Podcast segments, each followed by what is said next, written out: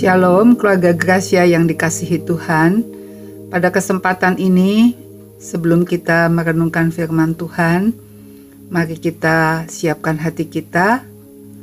Mari masuk dalam doa.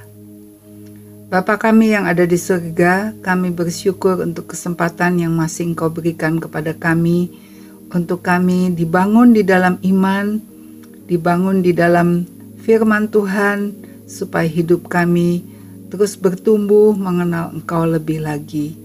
Tuhan, siapkan hati kami, jadikan hati kami ini sebagai tanah yang subur, jadikan hati kami ini bisa menerima benih firman Tuhan. Dan biarlah benih itu bertumbuh, berakar dengan kuat, sehingga kami teguh berdiri di atas kebenaran firman-Mu. Mari Tuhan, Engkau mengurapi kami semua untuk kami bisa mengerti kebenaran firman Tuhan. Roh Kudus, Engkau berbicara kepada kami. Ajari kami Tuhan perkara-perkara rohani yang tidak sanggup di, kami cerna dengan pikiran manusia, tetapi Engkau sanggup menjabarkan sampai kami bisa memahami isi hati Bapa dan mengenal kehendak Tuhan yang sangat baik untuk hidup kami.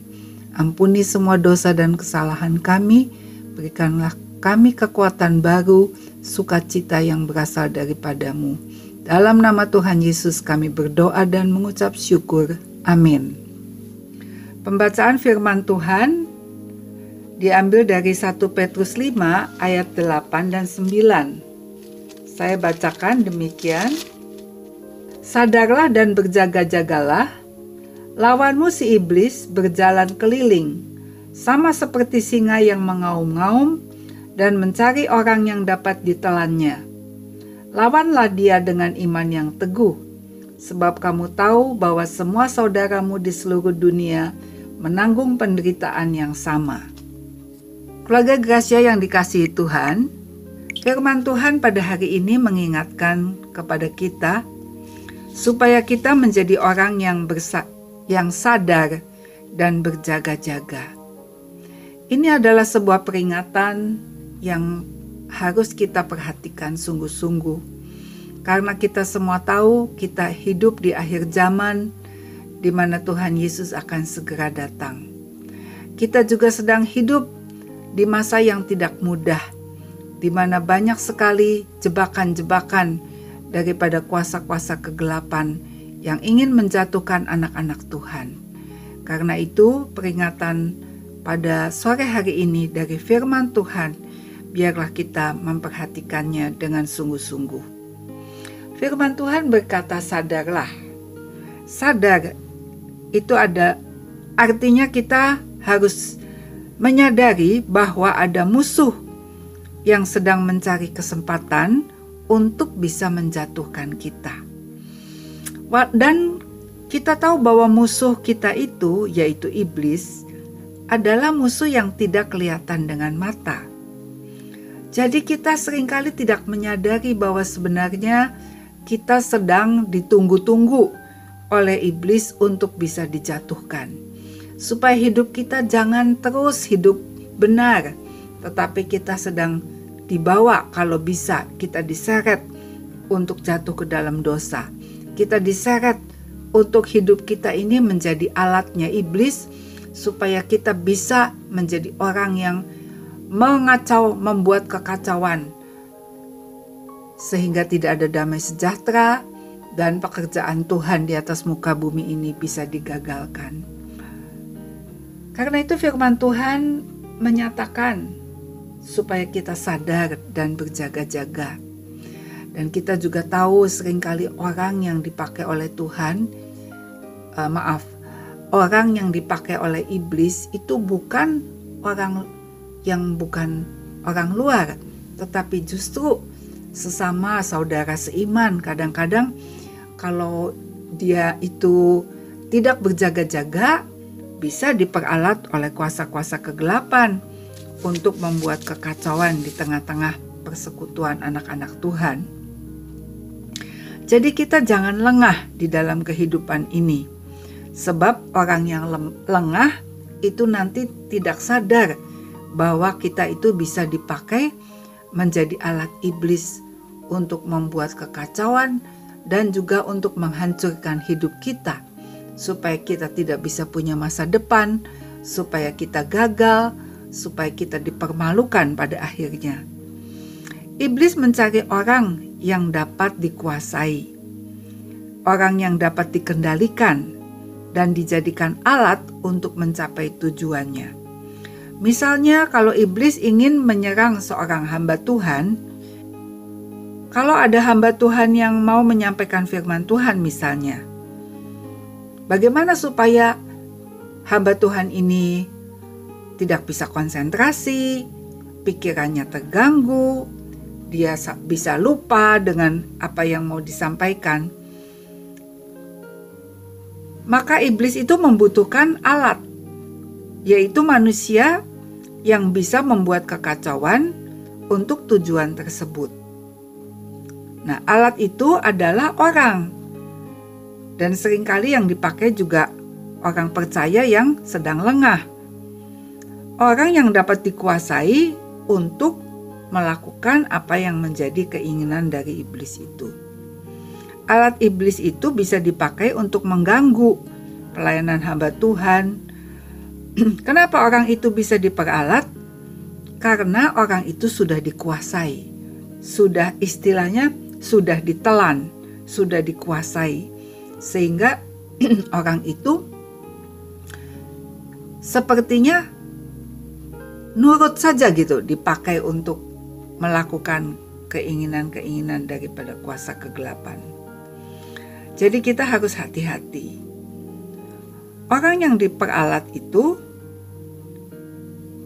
sedang dijerumuskan untuk terus hidup dalam dosa, untuk terus-menerus melakukan dosa, dan itu membuat nanti akhirnya hidupnya menjadi hancur.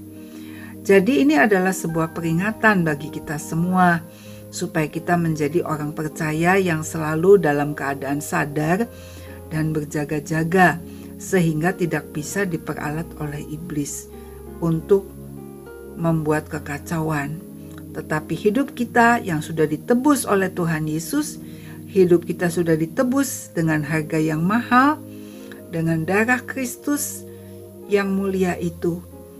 Kita sekarang harus dipakai untuk menjadi alat kebenaran. Kita harus dipakai untuk membawa damai sejahtera, untuk membuat perdamaian, dan bukan untuk membuat permusuhan.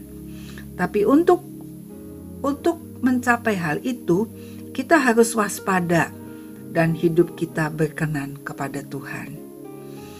Ya, sekarang kita belajar bagaimana sih hal-hal praktis apa yang dapat kita lakukan supaya kita menjadi orang yang sadar dan berjaga-jaga dalam kehidupan iman kita, sehingga kita tidak bisa diperalat oleh iblis, kita tidak bisa di membuat kekacauan.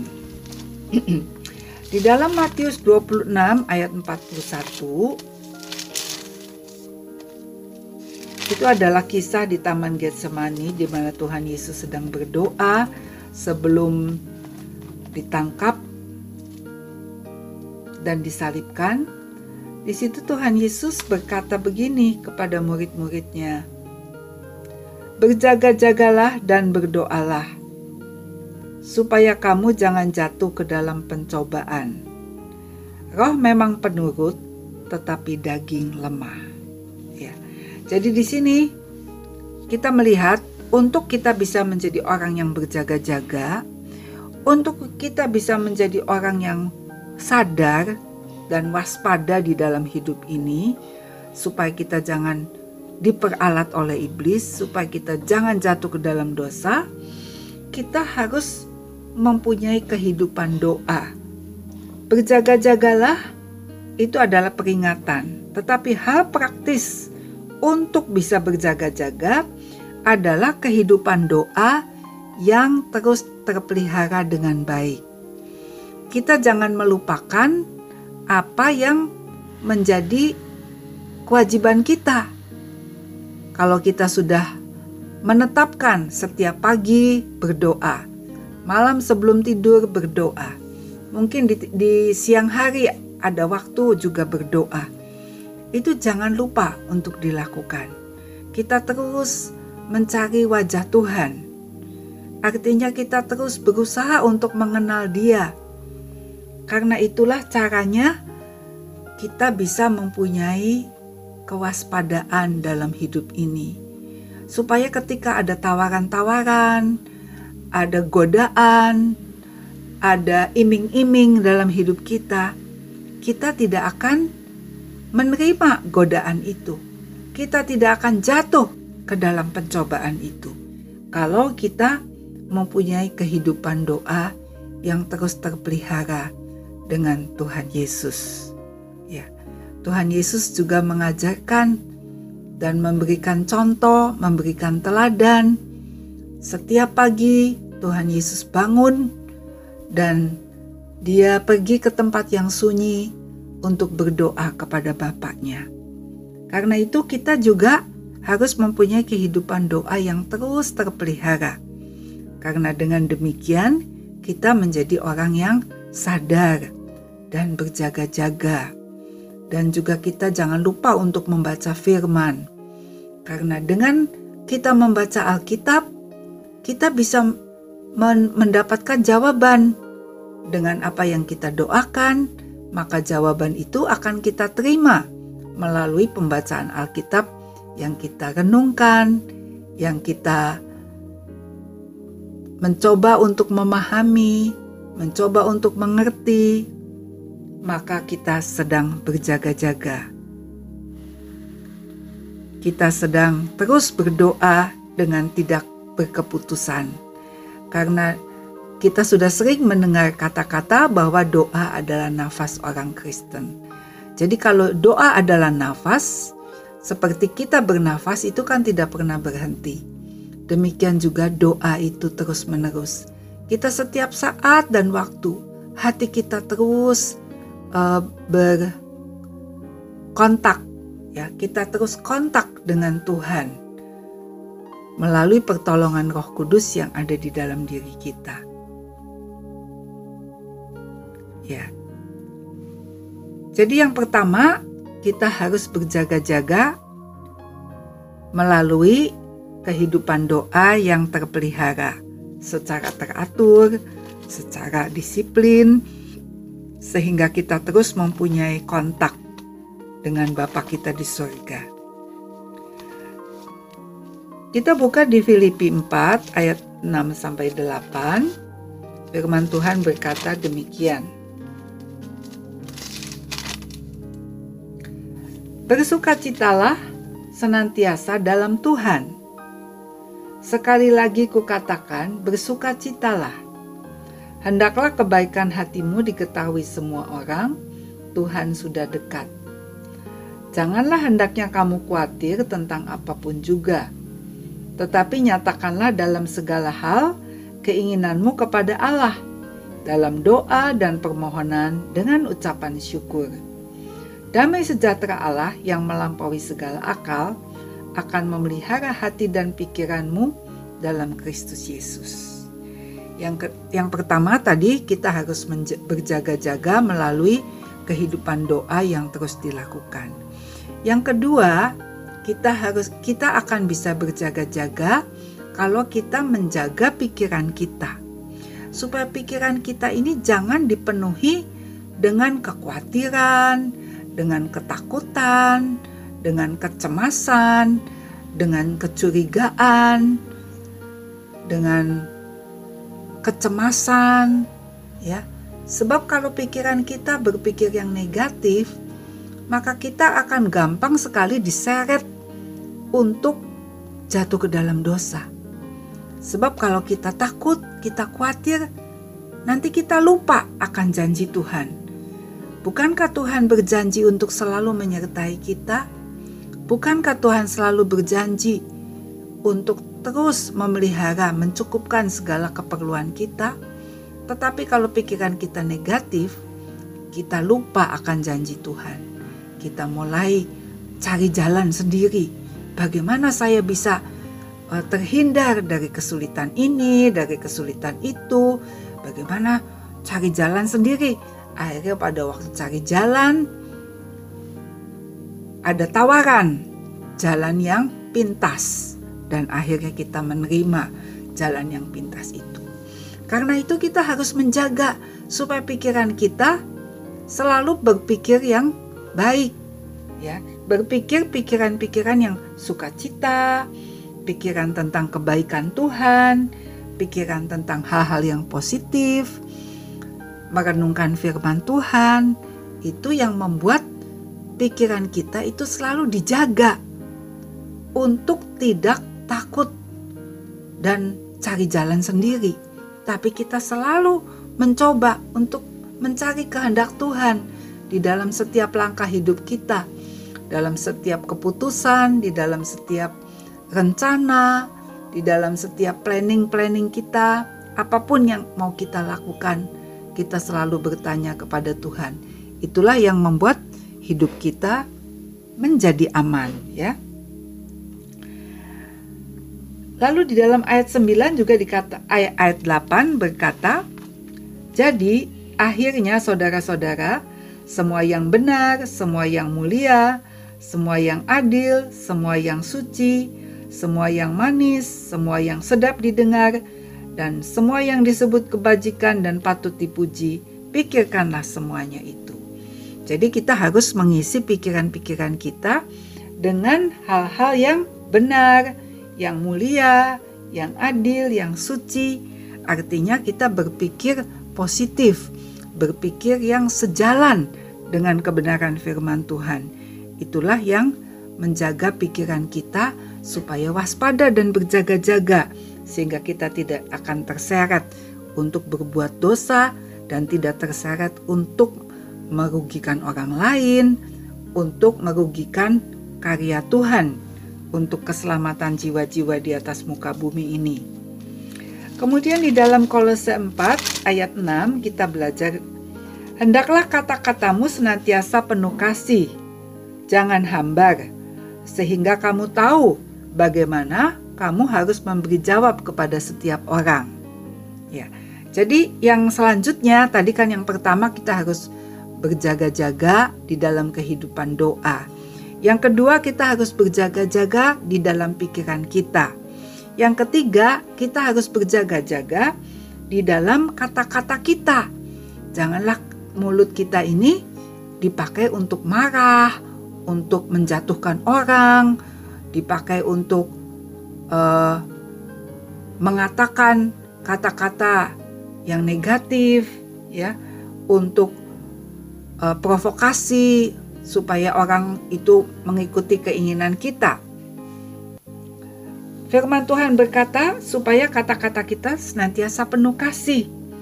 Artinya perkataan kita ini harus membangkitkan semangat, membuat orang itu merasa damai, membuat orang itu memilih jalan yang benar, ya. Jangan hambar dikatakan. Kalau hambar itu artinya perkataan kita tidak ada maknanya.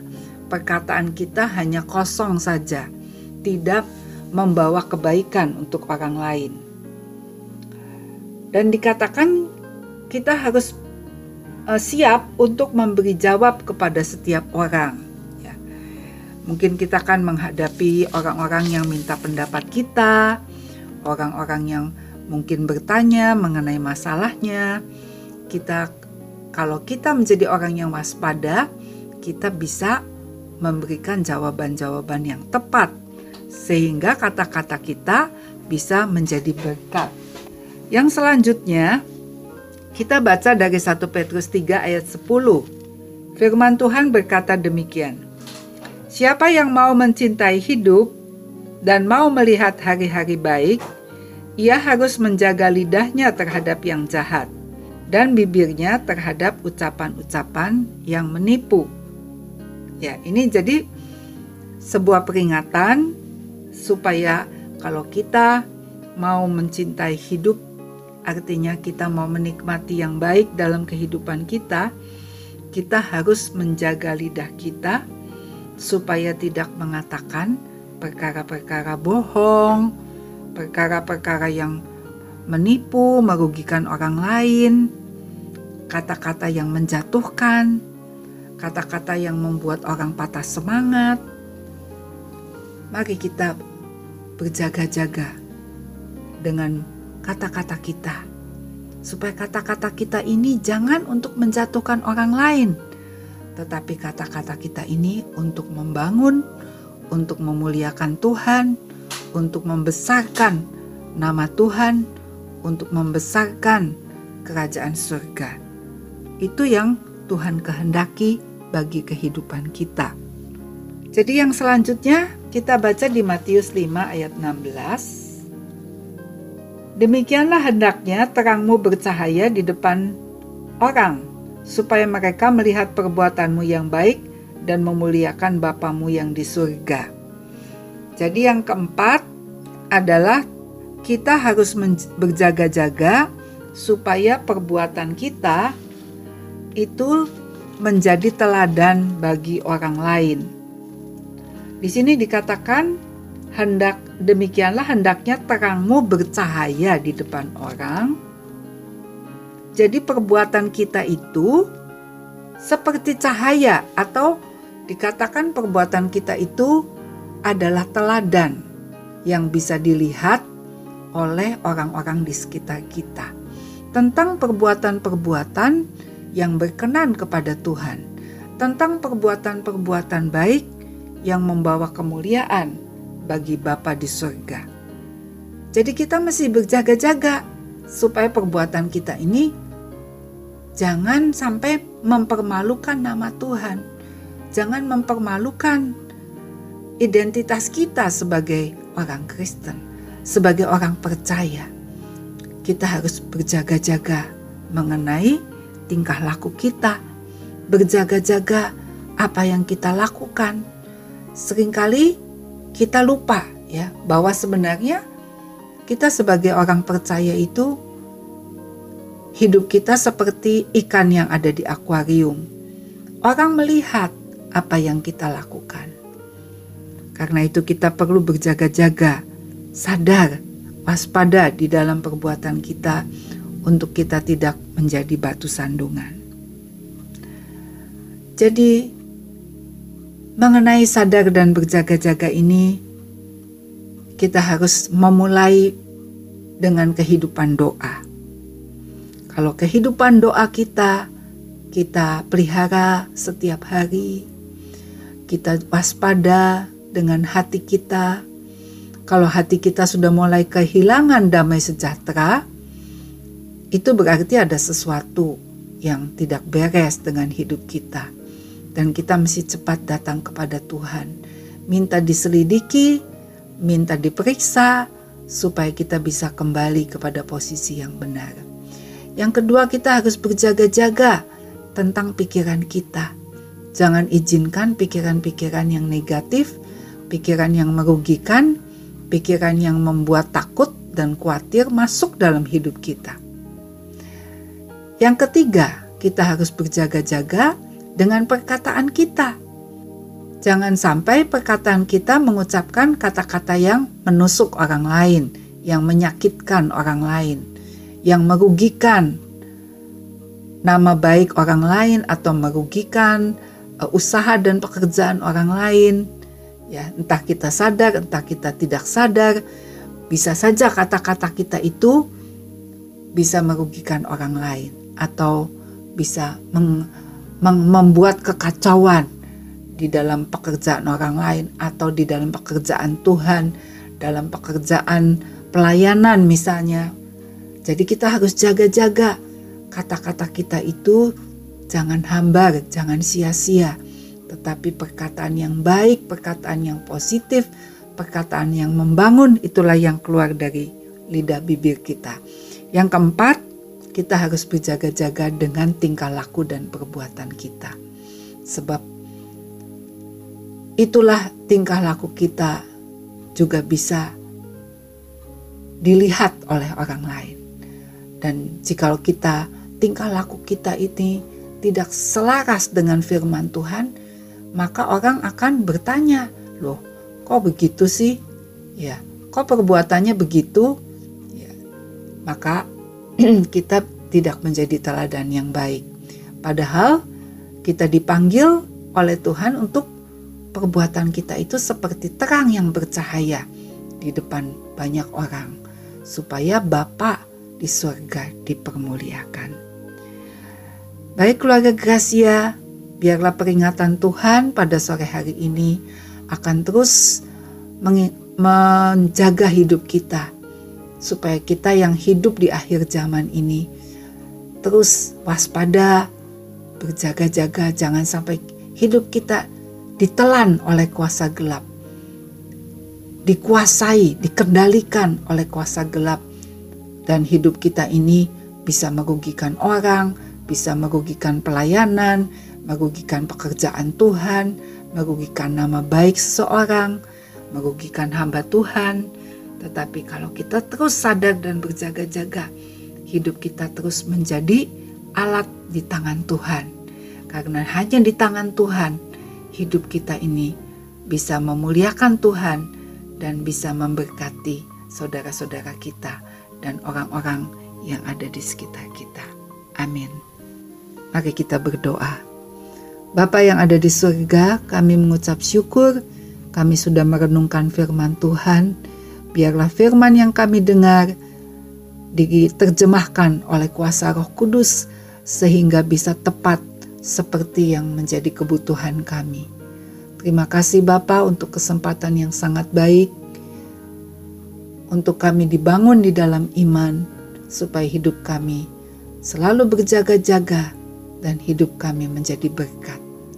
Bapa kami berdoa buat keluarga kami, biarlah damai sejahtera dan sukacita surgawi senantiasa ada di dalam rumah tangga kami. Ada atmosfer surga yang menguasai sehingga di dalam keluarga kami tidak terjadi salah paham, salah pengertian, tetapi kami berdoa Tuhan, biarlah komunikasi yang baik, kerukunan terjadi bagi keluarga kami. Kami berdoa buat hamba-hamba Tuhan yang bekerja untuk melayani dan menggembalakan. Tuhan berikanlah mereka kekuatan Berikan mereka hikmat dan kebijaksanaan supaya bisa mengambil keputusan yang tepat, bisa mampu menggembalakan domba-domba yang kau percayakan kepadanya. Kami juga berdoa untuk bangsa dan negara kami Tuhan. Kami mohon biar anugerah Tuhan melingkupi bangsa kami. Dari Sabang sampai Merauke, dari Miangas sampai Pulau Rote. Biarlah anugerah dan kasih-Mu yang memagari akan bangsa kami, supaya bangsa kami terus dibangun di dalam kebenaran dan keadilan, sehingga bangsa kami tidak menjadi bangsa yang dikalah, dikalahkan oleh dosa, tetapi bangsa kami berdiri di atas kebenaran dan bisa mengalahkan hal-hal yang tidak benar. Terima kasih Bapa di surga Berkati Bapak Presiden dengan semua pemimpin-pemimpin yang ada di negara kami. Biarlah mereka melakukan tugasnya dengan takut akan Tuhan. Terpujilah namamu Bapa. Kami naikkan juga berdoa untuk keluarga Gracia yang sedang sakit. Kiranya engkau menjamah dan memberkati supaya yang sakit boleh menjadi sembuh, yang sedang berduka cita boleh mendapat penghiburan, dan kekuatan dan harapan yang baru. Mereka yang lemah dikuatkan Tuhan. Mereka yang sedang menghadapi tantangan, Engkau yang memberi hikmat sehingga tantangan apa pun dapat diatasi karena Engkaulah sumber pertolongan bagi setiap kami. Terima kasih Bapa di surga. Kami naikkan doa dan syukur kami sore hari ini hanya di dalam nama Tuhan Yesus kami berdoa. Amin.